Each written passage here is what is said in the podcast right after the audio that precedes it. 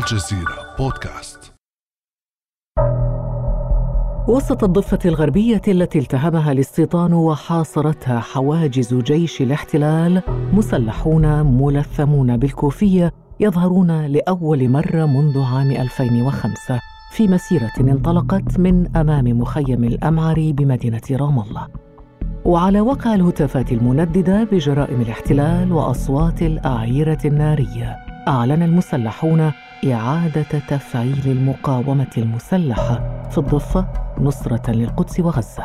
من اليوم نعلن تفعيل كتائب شهداء الأقصى. ونحن هنا اليوم إذ نوجه رسالتنا لهذا العدو الغاشم.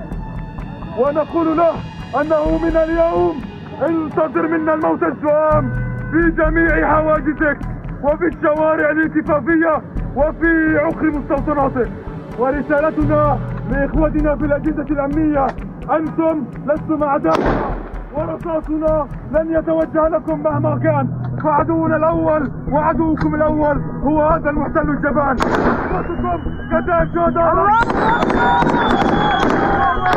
إعلان حرك مياه المقاومة الراكدة في الضفة الغربية حيث تسيطر إسرائيل على كل مفاصل الحياة ويدعمها في ذلك تنسيق أمني يعتبره رئيس السلطة الفلسطينية محمود عباس مقدسا. والعلاقة الأمنية وأنا بقول على الهواء التنسيق الأمني مقدس مقدس وسنستمر سواء اختلفنا في السياسة أو اتفقنا فكيف يبدو واقع المقاومة في الضفة الغربية؟ وما الذي أدى إلى إضعافها؟ ولماذا تخشى إسرائيل انتقال المقاومة المسلحة من غزة إلى الضفة؟ وهل يعود خيار المقاومة إلى الواجهة في الضفة الغربية المحتلة؟ بعد أمس من الجزيرة بودكاست أنا خديجة بن جنة.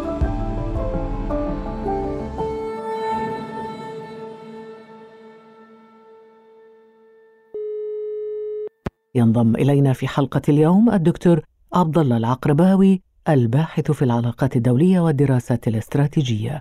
أهلا وسهلا بك دكتور عبد الله. أهلا بك وبالمستمعين الكرام.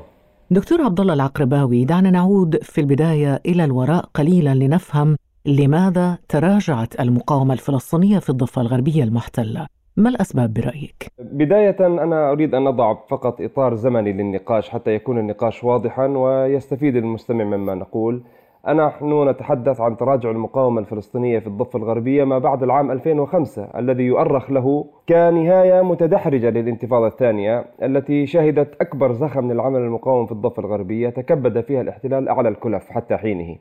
أما الإطار المفاهيمي هنا فأنا أشير إلى العمل المقاوم المسلح الذي يلحق خسائر مادية مباشرة للاحتلال كون العمل المقاوم وثقافة العمل المقاوم هي متعددة المستويات والأشكال وأظن أن حديثنا في هذه الحلقة سيتركز حول العمل المقاوم المسلح الذي يسبب خسائر مادية للاحتلال. بظني حول سؤالك أخت خديجة أهم الأسباب التي يتعلق بهذا الموضوع بلا شك أن الاحتلال وما قام به من تصفية منظمة لقيادات المقاومة ورموزها السياسية أو اعتقالهم في الانتفاضة الثانية وما بعد الانتفاضة الثانية. هذا الأمر أحدث فراغا على مستوى القيادة وإدارة العمليات والمجموعات المسلحة المنظمة في الضفة الغربية ضد الاحتلال. هذه التصفية المنظمة شملت كل التنظيمات الفلسطينية بالمناسبة وإن كان التركيز أكثر على حركة حماس نظرا لثقلها الميداني. ومنذ عملية السور الواقي نستطيع القول أن الاحتلال أحكم السيطرة على الضفة الغربية بشكل غير مسبوق وفي كافة تصنيفاتها حسب اتفاق أوسلو اللي هو ABC وقام مئات الحواجز ومد الطرق التفافية وأغلقها بوجه الفلسطينيين وبنى الجدار العازل وفصل المدن الفلسطينية عن بعضها البعض وفصلها عن ريفها ونصب آلاف كاميرات المراقبة في كل المناطق وأطلق يد المستوطنين ورعى المجموعات الإرهابية للمستوطنين. هذا كلياته أحكم السيطرة على الضفة حتى تحولت الضفة إلى مجموعة من المربعات الأمنية المحكمة السيطرة تحت الاحتلال. لكن السبب الثاني وهو برأيي الذي أحدث فرقا نوعيا أكثر من أداء الاحتلال على أداء المقاومة وقدراتها على العمل في الضفة الغربية وهو السلطة الفلسطينية التي قامت فلسفتها منذ البداية على إحداث تحولات في المجتمع الفلسطيني في الضفة الغربية وقطاع غزة. وأحكمت مجموعة من شبكة المصالح قبضتها على مقومات الشعب الفلسطيني السياسية والاقتصادية. بل تشكلت نخبة ربطت مصير مشروعها السياسي بالاحتلال نفسه. طب من هم أصحاب المصالح؟ بلا شك أن هذه طبقة المصالح متعلقة أولا بقيادات سياسية في منظمة التحرير الفلسطينية التي وافقت على اتفاق أوسلو ودخلت ثانيا مجموعة من رجال الأعمال التي دعمت هذا الاتفاق ودخلت في شراكات مع رموز السلطة ومع الاحتلال وقادة الأجهزة الأمنيين الذين التحقوا بدورات تدريبية مع أجهزة أمنية أمريكية وإسرائيلية. هذه طبقة قادة الأجهزة الأمنية اليوم هم المتحكمون في القرار الفلسطيني في الضفة الغربية وفي قرار السلطة الفلسطينية. مشروع السلطة باعتقادي تعزز بشكل أكبر مع قدوم الرئيس محمود عباس إلى الرئاسة في العام 2005 وتبنى خطة من قناعة خطة نابعة من قناعات لديه أي لدى الرئيس محمود عباس وفريقه بالالتزام بالتنسيق الأمني مع العدو والذي يمكن اعتباره أن التنسيق الأمني تحول إلى برنامج سياسي لدى السلطة. وعنوان لوجودها. حتى نفهم خطوة خطوة كيف تمخض هذا التزاوج بين قيادات المنظمة منظمة التحرير الفلسطينية مع رجال الأعمال مع قادة الأجهزة الأمنية الفلسطينية تمخض عنه مشروع أو برنامج سياسي وأمني اسمه التنسيق الأمني ما هو التنسيق الأمني؟ ماذا يعني على الأرض عمليا كإجراءات؟ التنسيق الأمني على الأرض عمليا يعني أن القوات الأمن الفلسطيني وقوات الاحتلال لديها مجموعة من الأهداف المشتركة لتنفيذها على الأرض، ولهذا التنسيق الأمني عدة أركان رئيسية، أولها توقيف المقاومين المطلوبين للاحتلال من قبل السلطة وتعقبهم ومراقبتهم وكتابة التقارير عنهم الدورية قمع الاحتجاجات الفلسطينية ضد جنود الاحتلال والمستوطنين. ثالثا تبادل معلوماتي واستخباري عن هياكل المقاومة وليس فقط عن هياكل المقاومة والحركات الفصائل الفلسطينية وأيضا حول المجتمع الفلسطيني وتقييماته وأوضاعه الاقتصادية والاجتماعية وإحصائيات حوله. كل هذه المعلومات والداتا الهائلة التي تستخدم في فهم المجتمع الفلسطيني وفهم بيئته كلها يؤمنها التنسيق الأمني للاحتلال. رابعا هناك عملية باتت معروفة باسم عملية الباب الدوار بتبادل اعتقال المقاومين الفلسطينيين. أيضا هناك عقد اجتماعات أمنية مشتركة للتقييم وتبادل الخبرات وهذه اجتماعات دورية. سادسا التدريب الأمني المشترك والذي يتم عادة برعاية أمريكية. منذ عام 94 إلى اليوم نحن نتحدث عن جيل من الضباط والقادة الأمنيين الذين خضعوا إلى دورات تدريب مشتركة مع إسرائيليين ومع الأمريكان. اليوم هم قادة الأجهزة الأمنية الذين يتبنون عقيدة أمنية في جوهرها التنسيق الأمني. من أبرزهم؟ بلا شك أن قادة الأجهزة الأمنية حسين الشيخ وماجد فرج وزياد هب الريح مسؤول التنسيق المدني مع الاحتلال حسين الشيخ الوزير حسين الشيخ ومن قبل ذلك محمد دحلان ومن قبلهم جبريل الرجوب. كل هذه هؤلاء القادة هم آباء التنسيق الأمني وهم رواده اليوم.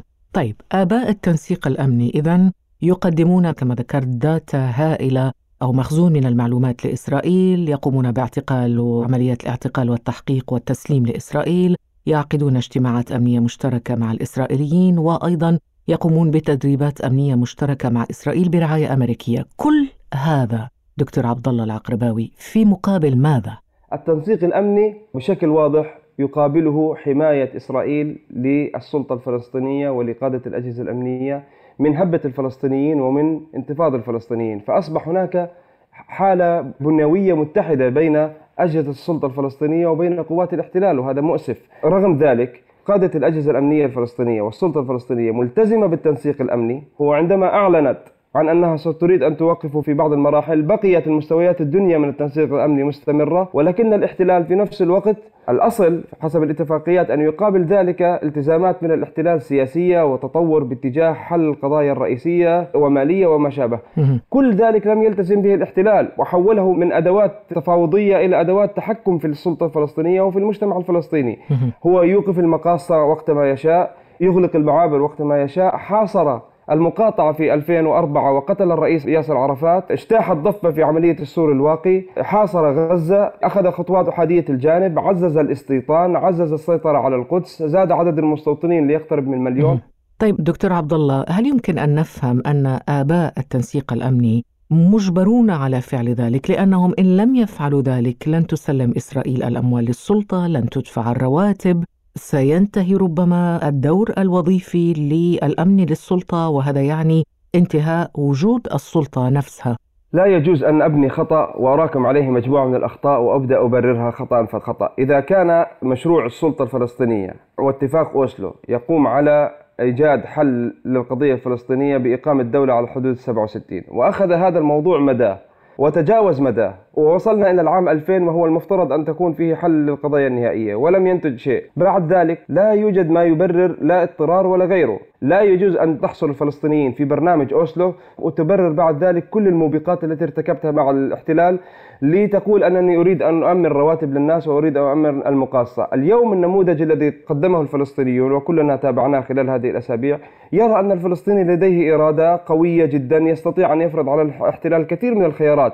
الموضوع ليس متعلق بالتبرير الموضوع متعلق بأن هنا هل هناك إرادة سياسية لقادة الأجهزة الأمنية لتغيير البرنامج السياسي؟ تغيير البرنامج السياسي ينطبق عليه تغيير في السلوك الأمني تغيير في سياسة التنسيق التنازل عنها التخلي عنها. هذا يتطلب تغيرات جوهرية في الثقافة والفكر والتوجه السياسي لقادة الأجهزة الأمنية. أما الاستناد إلى خطأ تاريخي وعدم التراجع عنه وبناء عليه كل الأخطاء الأخرى فهذا لا أراه مبررا منطقيا. نعم دكتور عبد الله عندما تقول خطأ تاريخي هل نعني بذلك أن اتفاق أوسلو كان خطأ لأن اتفاق أوسلو ينص على إقامة تنسيق أمني بين الفلسطينيين والإسرائيليين. أنا باعتقادي أن اتفاق أوسلو هو النكبة الفلسطينية الثانية. إذا كانت النكبة عام 1948 أخرجت الفلسطينيين من أرضهم فاتفاق أوسلو أخرج الفلسطينيين من قضيتهم. ووضعنا أنفسنا تحت تصرف الاحتلال. منظمة التحرير الفلسطينية عندما كانت في حل من تحكم الاحتلال ومن سيطرته كانت قادرة على المناورة كانت قادرة على تنفيذ عمليات عسكرية وقيام بمقاومة وقامت علاقات دولية والتحرك والالتحاق بمحاور دولية وإقليمية وكانت تتصرف بحرية أكبر مما وضعت نفسها تحت تصرف الاحتلال. نعم. ولذلك اتفاق أوسلو يعني ليس خطأ تاريخيا هو أكبر من ذلك هو نكبة فلسطينية ثانية بلا شك. نعم لو تحدثنا دكتور عبد الله عن سلسلة الأخطاء التاريخية مع مجيء محمود عباس إلى الرئاسة عام 2005 أعلن عن حل كتائب شهداء الأقصى وهي الذراع العسكرية لحركة فتح وجاءت بعد ذلك خطوات أخرى وإجراءات أخرى هل كل هذه أخطاء تاريخية برأيك؟ بلا شك هذه شوف اليوم من يريد أن يتفاوض مع الاحتلال عليه أن يستمسك ب يعني أوراق قوة يضعها على الطاولة أمام المفاوض الآخر إذا كانت قيادة السلطة والرئيس محمود عباس بدأ فترته الرئاسية الأولى ببرنامج إلغاء كتائب شهداء الأقصى ومواجهة المقاومة وتعزيز التنسيق الأمني وإحداث تحولات داخل المجتمع الفلسطيني واستهداف بيئة المقاومة ماذا تريد أن تقول للمحتل؟ أنت سلمت كل أوراق القوة لديك والآن تريد أن تجلس على الطاولة ليملي عليك الطرف الأقوى وهو الطرف المحتل وهو احتلال مباشر واحتلال إحلالي واحتلال يطرد السكان ليس احتلال عن بعد ولا إغلاقات ولا حصارات وأنت ليس في حل من أمرك. ماذا تريد أن تقول للطرف الآخر الذي جلس على الطاولة وانتظرك بلا أدوات ليفرض عليك شروطه ويملي عليك ما يريد؟ هذه الاستراتيجية بلا شك أن اليوم ندفع ثمنها بشكل باهظ. لو استطاعت المقاومة الفلسطينية كتائب شهداء الأقصى وكتائب القسام وكل الأجنحة العسكرية أن تكبد الاحتلال خسائر حقيقية في الضفة الغربية وأن يدفع كلف مادية حقيقية في الضفة الغربية. كان اليوم المشهد أكيد مختلف وقد شاهدنا النموذج الآخر. لقد انسحب الاحتلال عام 2005 بقيادة شارون أقوى أقوياء الاحتلال وأقوى زعماء انسحب من غزة صاغرا تحت هجمات المقاومة. لو استمرت المقاومة على نفس الزخم وجاء برنامج سياسي يقوده قائد فلسطيني يدعم العمل المقاوم كل أشكال العمل المقاوم يستطيع أن يناور مع الاحتلال ويستطيع أن يفرض أوراق قوة على الاحتلال. لوجدنا اليوم الضفة خالية من المستوطنين ومن المستوطنات ولوجدنا أن الحديث عن صفقة ترامب وعن خطة الضم غير موجود في أحلام كبار قادة الاحتلال لأن الضفة ستكون محررة. للأسف الشديد التخلي عن برنامج المقاومة أوصلنا لهذه النتيجة. لكن دكتور عبد الله قد تكون النتيجة بالعكس مبهرة يعني ما شاهدناه مؤخرا. من مظاهرات وتضامن مع القدس ومع غزة كان في الحقيقة نتيجة معاكسة لما توقعناه. أنت ما هو تقديرك وتقييمك للموقف في الضفة الغربية من المواجهة الأخيرة بين حماس والاحتلال؟ أظن أن كل ما قلناه أعلاه حول جهود تصفية المقاومة في الضفة لم يؤدي إلى تصفيرها بشكل كامل. العمليات المنظمة والفردية والمواجهات الشعبية والاحتجاجات ضد الاحتلال ظلت مستمرة وإن بوتيرة أقل منذ العام 2007 ويمكن القول أن منحنى العمل المقاوم بدأ يتصاعد تدريجيا.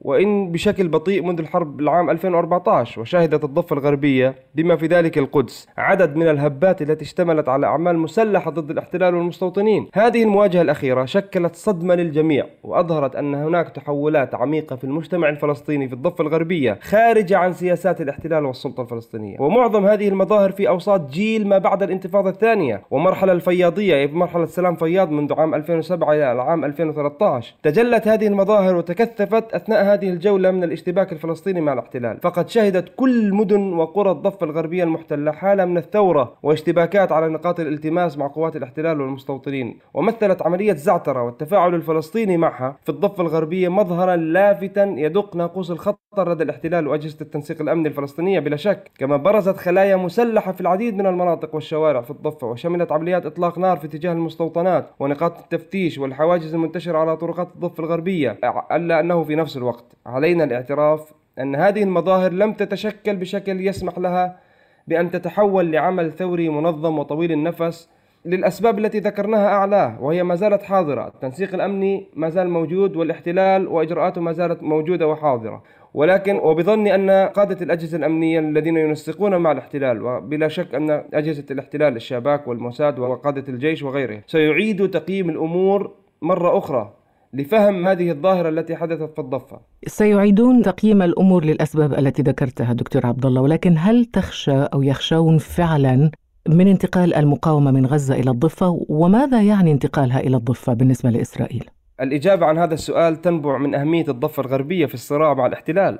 وما تمثله من قيمة استراتيجية للفلسطينيين وللاحتلال في نفس الوقت. الضفة الغربية هي امتداد جغرافي وديموغرافي لمدن الداخل الفلسطيني المحتل. هذا التداخل والاشتباك الطبيعي مع الاحتلال يجعل من العمل المقاوم في الضفة الغربية نوعي وحاسم على الاحتلال. وهذا ما أثبتته الانتفاضة الثانية. وهذا ما يفسر أيضا تركيز الخطط الأمنية الأمريكية والإسرائيلية على الضفة كما قلنا في البدء بتطبيقها في مدينتين نابلس وجنين. يعني أول عمليات تطبيق التنسيق الأمني بعد خطة العام 2007 المسماة تجفيف المنابع بدأت بتطبيق عملي لتسع كتائب دربها الجنرال كيث دايتن في جنين وفي مخيم بلاطة في نابلس وفي مخيم جنين. هذا التطبيق العملي يعكس مدى مركزية وأهمية الضفة الغربية ومدنها ومخيماتها في الذهنية الأمنية الإسرائيلية والأمريكية ولأجهزة السلطة. الضفة الغربية بالمناسبة تحتوي على مساحة واسعة من الأهداف الاحتلالية. عندهم قواعد عسكرية هناك منتشرة بشكل كبير مستوطنات نقاط تفتيش وحواجز. في مرحلة من المراحل بلغ عدد الحواجز الأمنية للاحتلال في الضفة الغربية أكثر من 600 حاجز. عدد المستوطنين اليوم في الضفة الغربية والقدس يختر من مليون مستوطن. هذه حقائق تشكل رعبا حقيقيا للاحتلال. في حال نشوب انتفاضة حقيقية وثورة حقيقية في الضفة الغربية شاهدي الكم الهائل من الأهداف التي ستصبح أهداف مباشرة للفلسطينيين. والفلسطينيين يعني معروف عنهم يبدأوا من الحجر يبدأوا من أبسط الوسائل ثم نصل إلى ما وصلنا إليه في غزة إذا نفهم من كلامك دكتور عبد الله العقرباوي أن فلسطينيي الضفة لم يتأثروا لا بنظرية دايتون ولا باتفاقية أوسلو ولا بالتنسيق الأمني وهذا ربما ما فاجأ الاحتلال والسلطة الفلسطينية على حد سواء. أنت دكتور عبد الله هل ترى أنه معركة سيف القدس يعني تشكل نقطة تحول في مسار المقاومة الفلسطينية في الضفة؟ بداية دعيني أعلق على تأثر الفلسطينيين بالخطط الأمنية وبالتنسيق الأمني. هناك يعني حالة نسبية. بلا شك أن جيلا من الأجيال أو حالة من الحالات ما بعد الانتفاضة الثانية تأثرت بذلك ولكنها لم تتأثر راغبة بذلك وإنما تحت تأثير الضغط هائل مارسته مجموعات أم يعني فرق أمنية متحدة من عدة دول في الضفة الغربية. لكن في نفس الوقت هناك جيل ما بعد هذه المرحلة هو مختلف تماما ونرى منه مشهد مختلف. الآن حول نقطة التحول في مسار المقاومة الفلسطينية التي تشهدها الحالة الآن بعد معركة سيف القدس. بلا شك أن هذه نقطة تحول حقيقية. السبب في ذلك أن السردية السياسية التي قامت عليها معركة سيف القدس تعد تغييرا جوهريا لقواعد الاشتباك بين الاحتلال والمقاومة الفلسطينية. هذه السردية قامت على أساس أن المقاومة المسلحة في غزة قررت وبشكل واضح على اشتمال ردها على اعتداءات الاحتلال في القدس والضفة الغربية واستجابت لهتافات المقدسيين وأهالي الضفة لقيادة المقاومة في غزة بضرورة التدخل. هذا التحول يجب أن يوضع في سياق تحولات بنيوية وفكرية جرت عند المقاومة. تأثير ذلك على الشباب الفلسطيني في القدس والضفة الغربية وفي الداخل الفلسطيني المحتل وهذا مهم جدا. سيتجاوز تقديرات أجهزة الشباك وأجهزة السلطة الفلسطينية. علينا أن نتذكر أن انتفاضة القدس التي استمرت لأشهر في العام 2015 كانت إحدى تجلياتها نتيجة للحالة المعنوية للفلسطينيين بعد الحرب العام 2014 ضد غزة وصمود المقاومة في غزة في ظرف استثنائي لأكثر من 50 يوم من العدوان. أكثر ما يثير قلق الاحتلال وشركائه أن نظرية الفلسطيني الجديد التي تبناها دايتون أضحت سراب. أن هناك فلسطينيا آخر يؤمن بالمقاومة يثق بجدواها ويسعى لتحويلها ما استطاع فعلا على الأرض في الضفة الغربية.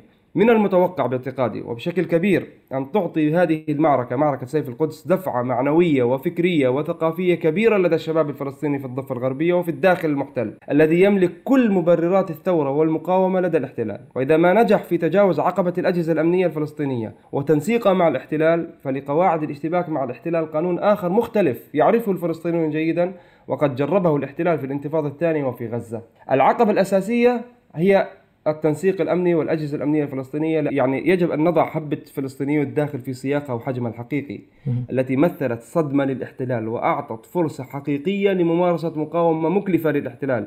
وأين؟ في خاصرة الاحتلال وفي قلب الاحتلال في مدن وفي قرى الفلسطينيين المحتلة في الداخل. ولكن تم احتوائه. هذه هبات يعني ثقافة المقاومة في الحالة الفلسطينية يعني خاصة بعد الجهود الأمنية المضنية باعتقادي هي حالة تراكمية. لا يمكن نصر أو حسم في الضربة القاضية. هناك تراكم للقوى للنقاط ضد الاحتلال. بلا شك هذه هبة تليها هبة تليها انتفاضة أطول لأسابيع ثم بلا شك ستخرج الأمور عن السيطرة. هذا اتجاه متصاعد نحو العمل المقاوم في مدن وقرى الداخل المحتل. هذا الموضوع باعتقادي كان أحد أهم أسباب استعجال قادة الأجهزة الأمنية وقادة الجيش وقادة الاحتلال بوقف عدوانهم على قطاع غزة. وقالوها صراحة أن هناك جبهة أكثر خطورة من غزة. هذه المعركة في القلب.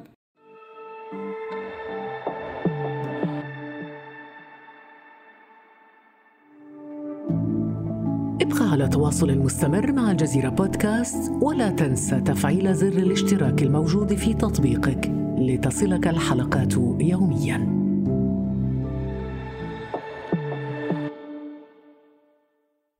دكتور عبد الله واضح جدا أن نظرية الفلسطيني الجديد نظرية فاشلة لأنه حتى الصور والفيديوهات التي شاهدناها للفلسطينيين وهم يدخلون المسجد الأقصى لأداء الصلاة بعد وقف إطلاق النار وبعد دخوله حيز التنفيذ كلهم كانوا يرددون وبصوت واحد